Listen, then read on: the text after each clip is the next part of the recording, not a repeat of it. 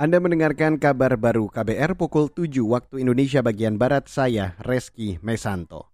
Saudara Presiden Joko Widodo menyampaikan ucapan Selamat Idul Fitri 1443 Hijriah. Jokowi mengaku bersyukur lebaran tahun ini bisa membolehkan masyarakat mudik.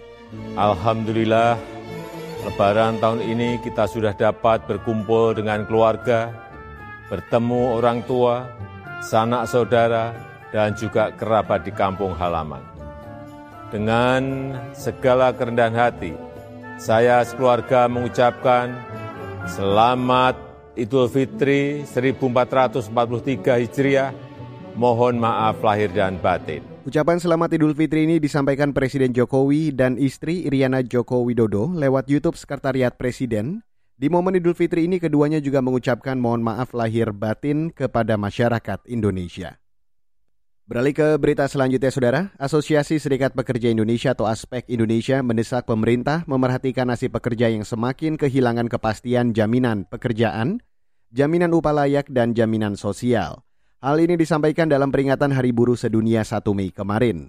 Presiden Aspek Indonesia, Mira Sumirat, mengatakan, buruh menilai kebijakan pemerintah masih belum berpihak terhadap perlindungan nasib pekerja. MK telah memutuskan bahwa Undang-Undang Cipta Kerja Omnibus Law itu inkonstitusional. Namun, ada namunnya, DPR juga sedang merevisi undang-undang yang terkait dengan pembuatan perundang-undangan. Dugaan kami ini dalam rangka untuk bisa memuluskan undang-undang cipta kerja uh, supaya tadi tidak lagi uh, persyaratan perundang-undangan salah satunya adalah uh, memenuhi atau menerima aspirasi publik gitu ya. Presiden Aspek Indonesia Mira Sumirat menambahkan pekerja semakin menderita sejak Omnibus Law berlaku.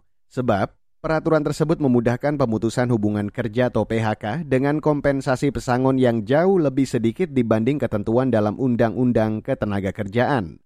Regulasi itu juga berdampak pada aksi PHK massal di seluruh Indonesia dengan dalih efisiensi perusahaan, termasuk soal penetapan upah minimum yang dianggap melanggengkan politik upah murah di Indonesia.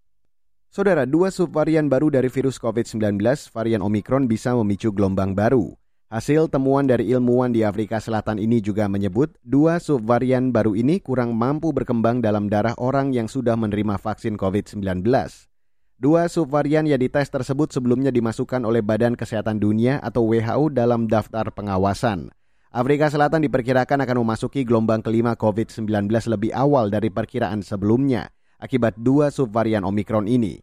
Di negara tersebut baru 30 persen penduduknya yang sudah divaksinasi. Terima kasih Anda sudah mendengarkan kabar baru yang dipersembahkan oleh kantor Berita Radio. Saya Reski Mesanto.